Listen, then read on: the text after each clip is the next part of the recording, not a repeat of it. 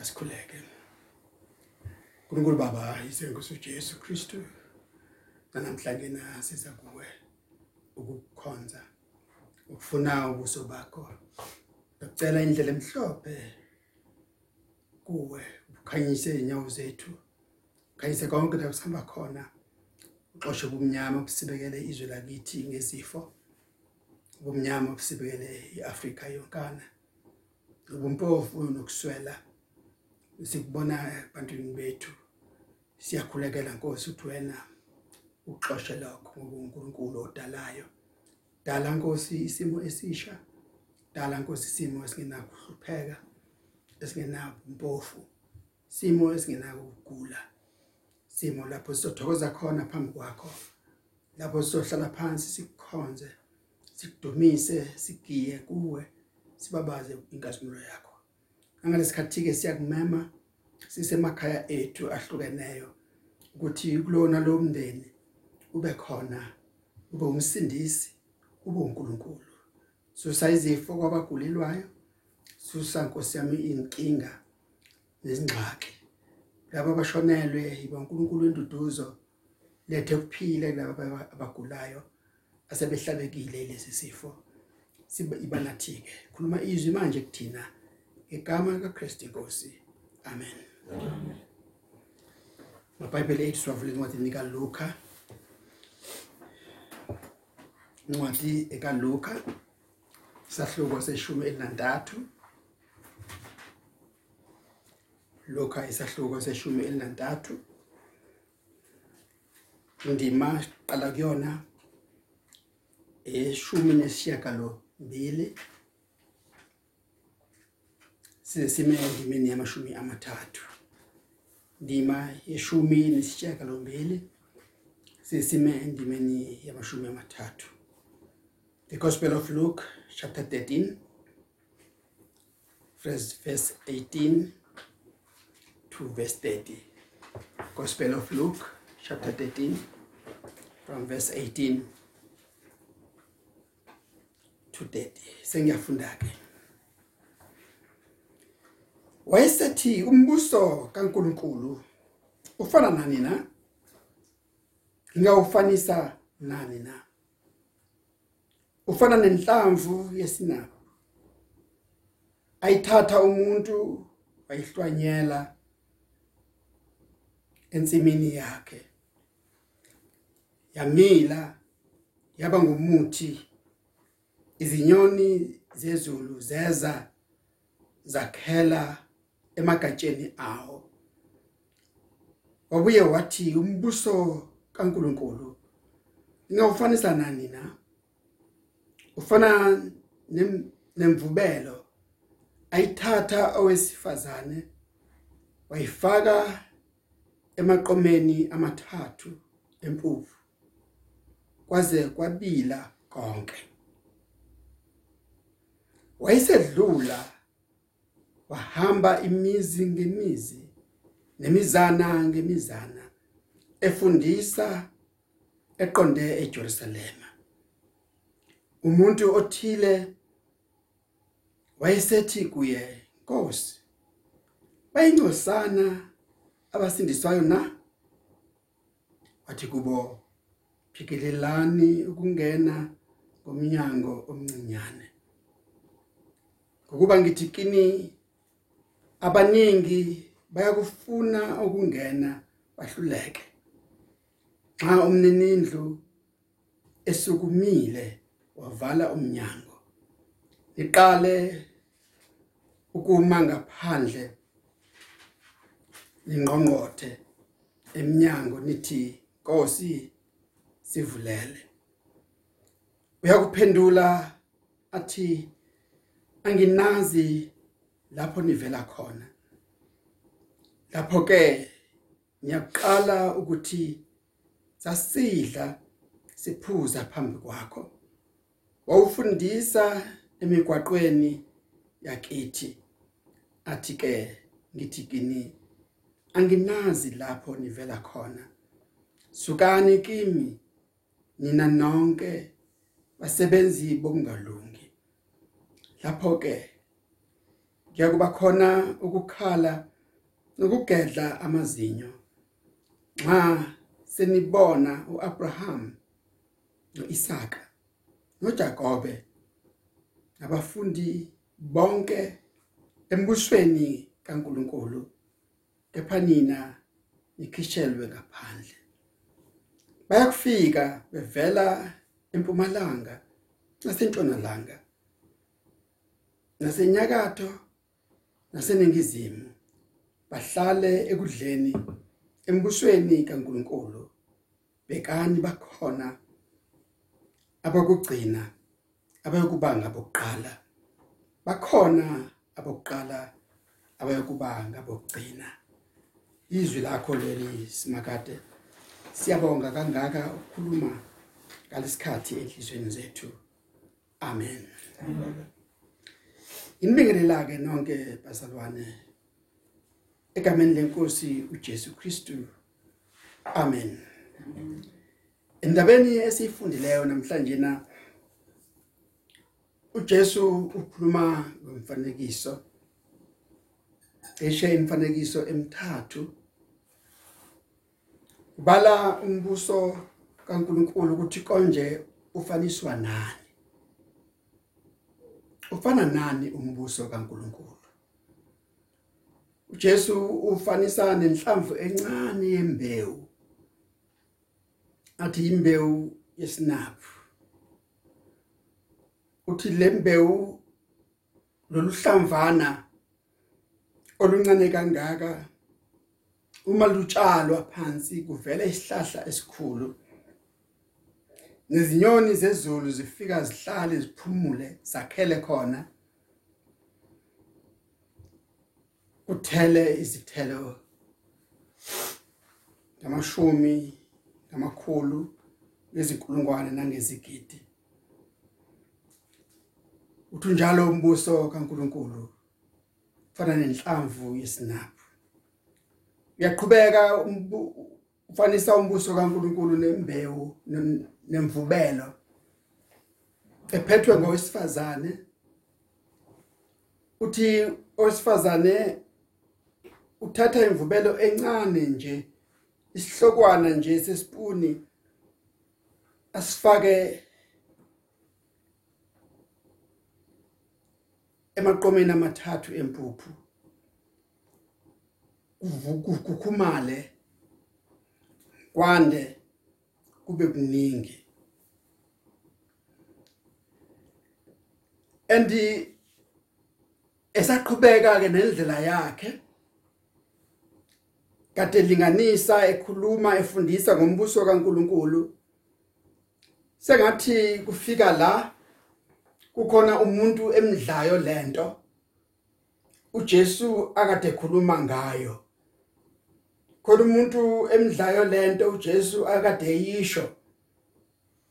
Phakathi nendlela lithi iBhayibheli uhamba imizi ngemizi imizana nemizana ebheke eJerusalema. Khona esicukwini lo muntu usiyahluleka ukuzibamba uma etshisa emungunya inkulumo yombuso kaNkuluNkulu. Useyazijuba uzilahla amathambo. Uthi inkosi empeleni bangaki abazongena kulombuso bangaki abasindiswayo. Uma isimo sinjena okushuthi lombuso uzokwenela abantu abangaki. uJesu uyathatha ubheka lo muntu obuzayo. uJesu uthi lo muntu qiniseka qiniseka ukuthi awubuzi ungaphandle. Qiniseka ukuthi nawe uyangena kulombuso ngoba ngeke ukusize ukubuza ungaphandle. Ngeke ukusize ukubuza uma eceleni. Qiniseka ukubona ukuthi nawe uyingxenye yakulombuso. Phikelela ukungena ngomnyango noma ngabe umncane kangakanani noma ngabe kunyenyene kangakanani. Phikelela ukungena. Ziningi izizathu ezenza abantu bazibone belungile bengaphandle kombuso kaNkuluNkulu. Phela abathandekayo kuhle sichachise sise la ukuthi usho ukuthini umbuso kaNkuluNkulu. Umbuso kaNkuluNkulu usho ukuphila uKristu emasontweni adlule sikhulume ngoJesu othi yena ungumvini uyise ungumlimi. Abakholwayo bangamagatsha andibamile kuyena njengesihlahla somvini. Andima bemile kuyena kulindeleke ukuthi bathele izithelo. Ngakho uma kunjalo umbuso kaNkuluNkulu wakhelwe kuKristu. Wakhelwe ebandleni lakhe. Uma sibheka umfanekiso wokuqala lapho ukhulunywa ngesinaphu ngohlamvana nje lingasho lutho ubuka ukusungulwa kombuso kaNkuluNkulu uqala ngomndeni nje owodwa umndeni ohluphekayo futhi umndeni onezinkinga umndeni oxakekile kaAdam umndeni onakho konke okuthola emindenini namhlanje na uqhuba khona lapho lo mbuso esala uAbela eqhubeka uKhayeli nezinkinga zakhe uqhubeka lapho umbuso kule kuleso simo esicikizayo kanjalo ubona kuEnoch ubona kuSethi ubona lo mbuso kaNkuluNkulu lapho uNowa esala nabantu abayisishaka lombili kuphela abawumndeni wakhe abangena emkhumbini omfanekiso wombuso kaNkuluNkulu. Yilokho akushoyo uJesu uma ekhuluma ethi abanye bayokufika bame ngaphandle bakhale banqonqothe bafuna ukungena uthi kodwa ngeke bangeniswe ngoba baliyekile ithuba lokungena. Akubheke isimo sika Noah iminyaka ngamashumi amane akha umkhumbi. Abantu bebenethuba leminyaka engamashumi amane lokungena lokulekelela lokuba yiphathi yokuba semkhumbini. Kodwa lelo thuba baliyekile. And wasala nalomndeni wabantu abayisishiyaka lombili qhubeka kanjalo lombuso kuAbraham kuIsaka kuJakobe yilokho akushayo uJesu egcineni ethi niyokhala. Uma senibabona abanye behlele embusweni senibabona benoAbraham benoIsaka benoJakobe ngamanye amagama ufuna ukuthi uNkulunkulu kulesizwe sakwaJuda oyihlo noyihlo mkhulu okhokho benu bangenile kulombuso ngakho nani msanda kuma ngaphandle bese kunijikijela imibuzo. Msanda kuma ngaphandle bese lokhu niba mancika ncika phikelelani ukungena umnyango omncane. Phikelela ukuba yingxenye yombuso kaNkuluNkulu. Ziningi ke izizathu abantu abazibekayo ezenza noma ezingenza ukuthi bangangeni kulombuso kuningi abakubeka kube izaba kodwa uJesu uthi namhlanje nakusasa kusangenwa. Namhlanje nakusasa kuseyelakho ithuba. Namhlanje nakusasa nawe usengangqongqotha ufuna ukuba yingxenye yombuso kaNkuluNkulu.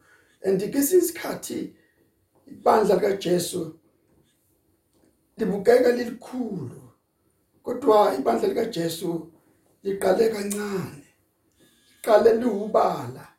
Liqale kuyinto engekho.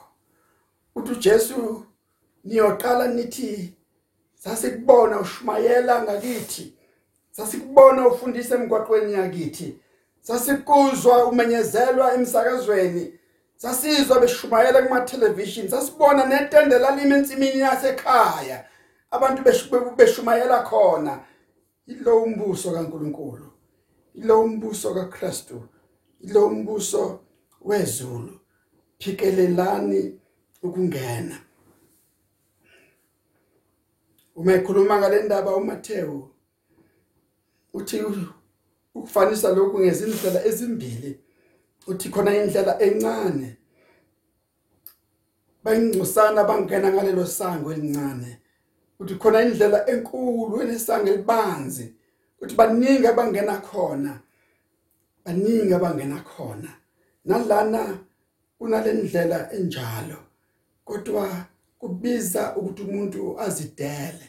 Sho njalo uJesu kulencwadi wathi ufuna ukuza emva kwami makazincame makazidele abese thatha isiphambano sakhe. Thatha leyo nkathazo yakho thatha leyo ngxaki yakho. Thatha lokho kusokola kwakho uze nakho kumina thatha lokho kuba manqika lezo zinto ezikwenza ungakwazi ukungena woza nazo khona sizozixazulula khona kuzongeneka. Ndomunye uthi uma kukhulunywa kanjena athi akuvumi kimi. Eyami inhliziyo ayivumi ngikholwe. Akafiki kimi kuba ngizinikele. Angikafiki kimi kuba ngibe njengawe. Akafiki kimi kuba ngimlandele uJesu. Kodwa uJesu uthi phikelela ungena akwazi ukushuma ngaphandle ngoba abasindiswayo abakuKristu. Abasindiswayo abahleli kuKristu. Abasindiswayo abamilile kuKristu ngokukholwa kweqiniso. Nawe ufanele ube kuKristu. Yilokhu achazile umpostoli encwadini yakhe yesibili yabaseKorinte. Sahlukene sesihlanu indima yeshumi nesikhombisa. Uma ethi akukho ukulahlwa kwabaka Kristu Jesu. Uma umuntu ekuKristu Jesu uyisidalwa esisha. Uma umuntu ehleli kuKristu Jesu uyisidalwa esisha. Phikelela ukungena. Umunye uyahlabelela athi ngena ngena. Indawo isekhona. Ngena ngena indawo isekhona. Abeseshintsha athi maye maye indawo ayisekho sekugcwele. Lokhu akusho uJesu uthi niyoqala nime ngaphandle. Niyoqala nime ngaphandle nithi sivulele. Uthi kodwa kuba sekuvaliwe. Ingakho ethi namhlanje nakusasa. Ngena usukubuza imibuzo ngaphandle usukukhuluma uma eminyango usukukhuluma usesangweni. Ngena ngoba lizovalwa. Uzovalwa lomnyango khumbula ukuthi uJesu utheni kuJohn 10 uthi mina ngiyisango. Umuntu ngena ngami afumane idlelo. Uzovaleka lomnyango isikhathi sokungena simanje la uJesu evule khona ewumnyango engenisa bonke abantu. Uthi mekhuluma kweindawo ethi awungenanga wena nabangenayo. Bebengena abantu ahlala ngaphandle. Uthi ngena ngoba sovalwa. Bese masekuvaliwe zobe ileya nto eyenzeka kuNoah umkhumbi sowuvaliwe. 40 years usudlulile. Isikhathi besilahlile abantu. Kade bedla bephuza. Behla benyuka nemigwaqo bebhesha benza noma yini abathanda ukuyenza. Belibona inkonzo belibona isonto belibona ibandla lika Kristu kunalokho benza inhlekisa ngalo. Isikhathi sokungena siyadlula. Uma sesidlulile yoqala kuma ngaphandle. Uyasho ukuthi siyakwazi mfundisi ohlala ngakithi. Siyakwazi nceko oshumela emgwaqweni yakithi siyakwazi inceku itende lakho lama ngasekhaya asikuchachanga asikuchachanga lutho uma isitende khona kodwa ungenanga kulelo tende. Awungenanga kuleyo nsindiso awungenanga kulo musa. Lapho ke kube sekunenyembezi ngokungezona inyembezi zodwa kube kukhona nobuhlungu. Buhlungu besihoko gedla kwamazinyo. Buhlungu besihoko buhlungu obungapheli. Ubuhlungu obunganqamukiyo ubuhlungu obungalibaleki uthi uyobabona abangcwele. Qala ngamaJuda uthi niyobabona oyihlomkhulu oAbraham abangenayo. Niyobabona oyihlomkhulu oIsaka abangenayo. Niyobabona uJakobe abangenayo. Kodwa nina nasala ngaphandle. And namhlanje lesisizukulwane samaKristu uthi niyobabona abantu enibaziyo onyoko khulu noyihlo omkhulu nodadewenu bengena. Niyobabona bephakathi embusweni nina kodwa noba ningaphandle kuba nanilibele ezintweni zenu naniphuza nidla nidansa nizijabulisa nithi nidlu life kodwa lo life uzophela kabuhlungu. Uzophela kabuhlungu.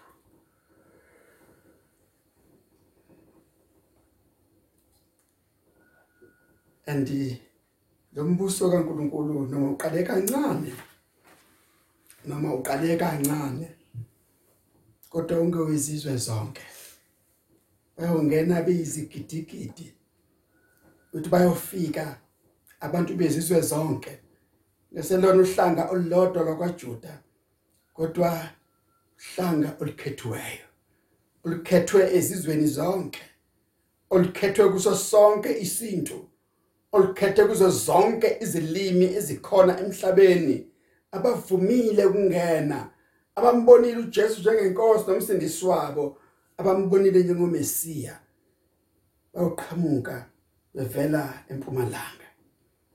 Nasentshonalanga nasenyakatho naseningizimu bafike bahlale. Uyawubona ukuthi mkhulu kangakanani lo mbuso? Uqale umncane. Njengenhlamvu yesinaphu. Uqale umncane kuKristu. Wena wabona amadoda ayishumi nambili abapostoli uqale kumncane njena kuPetro noJohane noAndrea noNathanieli. Qale kumncane nje kuyilabantu abayishumi nambili abadelelekile. Uqale kumncane kungabantu abamashumi ayisikhombisa nabesifazane bephakathi. Uqale kumncane kuyibandla labantu abayikhulu namashumi amabili. Kodwa egcineni lo mbuso uthi uyoqhamuka empumalanga baqhamuka entshonalanga eningizimu nasenyakatho. Bayoqhamuka ezindaweni zonke bahlale. Khulu lo mbuso kumkhulu lo mbuso. Ungaqala njengenhlamvu esinaphu kodwa kwanda kwawo kuyababazeka. Kwanda kwanda kwawo akulinganiswa nalutho. Namhlanje nabaningi bayahleka bathi isonto livaliwe izindlu zamasonto zivaliwe. Kodwa umbuso kaNkuluNkulu uya uyandisa uyandisa. Ubona isikhathi sebusika isikhathi sokunabisa izimpande izindlu zonke zabakholwayo ilapho kudunyiswa khona inkosi ilapho kubatshazwa khona ubukhosi bakhe ilapho bengena khona. Bethi siyamazi uJesu simazela kithi siyamazi umhlobo wethu uJesu uthi bakhona bakhona abokugcina bayoba ngokuqala abantu abakhethe kuqala bengabakwaJuda basalile kodwa abokugcina abezizwe zonke bayoba ngabokuqala. Bese kuthatha besekuqaleni babe sekugcineni bekufanele usukume namanje. Bekufanele usukume namanje. Ungene. Sengishilo kaningi ngakuphinda phinda kaningi. Kathi ungakhulumi ungaphandle. Ungabuzi imibuzo ungaphandle. Ungabuzi ukuthi bangaka basindiswayo bangaka basonta nawe mfundisi lingakanani ibandla lakho? Nikhonzelaphi imfundisi? Cha ngena. Uzokuthola konke usungaphakathi. Uzothola zonke izimpendulo zongaphakathi. Ibhabhathisa kanjani? Umoya ingcwele unjani? Cha ngena! Uzozwa konke sokuphakathi umsuphakathi uNkulunkulu uzakusiza. Njalo umbuso kaNkulunkulu. Egcineni mangibuze lo mbuzo. Ngabe wena uyingxenye yalombuso na? Ngabe usungenile yini kulombuso na? Ngabe nawe uhamba noJesu noma wandisa isixuku sababuza imibuzo engasho lutho imibuzo enegative. Uma unjalo ngokukhalelwa kodwa babusisiwe bonke basihlanganisile noJesu nensindiso yakhe. Kwanga uNkulunkulu wokuthula ngakubusisa sazoba yilungu embusweni kaKristu. Amen. Baba siyabonga izwi lakho. Siyabonga ukukhuluma kwakho nangalesikhathi. Siyafisa kangaka ukuthi ugcwalise enhlizweni zethu singene nabangenayo insindisweni nyango umbuso wakho ukuzalwa kabusha. Nyango umbuso wakho ukusindiswa. Ukwamkela uJesu nokugcwaliswa ngumoya wakho ingcwele hlala ke kithi nangalesikhathi sisahlele emakhaya. Usebenzise ulethe ukuphila ezweni lakithi lethe umnotho ezweni lakithi. Siphume sisebenze kubilona lo adlisa inkwasakhe zingekho izifo ingekho inkathazo. Sibusiseke namanje egameni lika Kristu inkosi. Amen. Amen.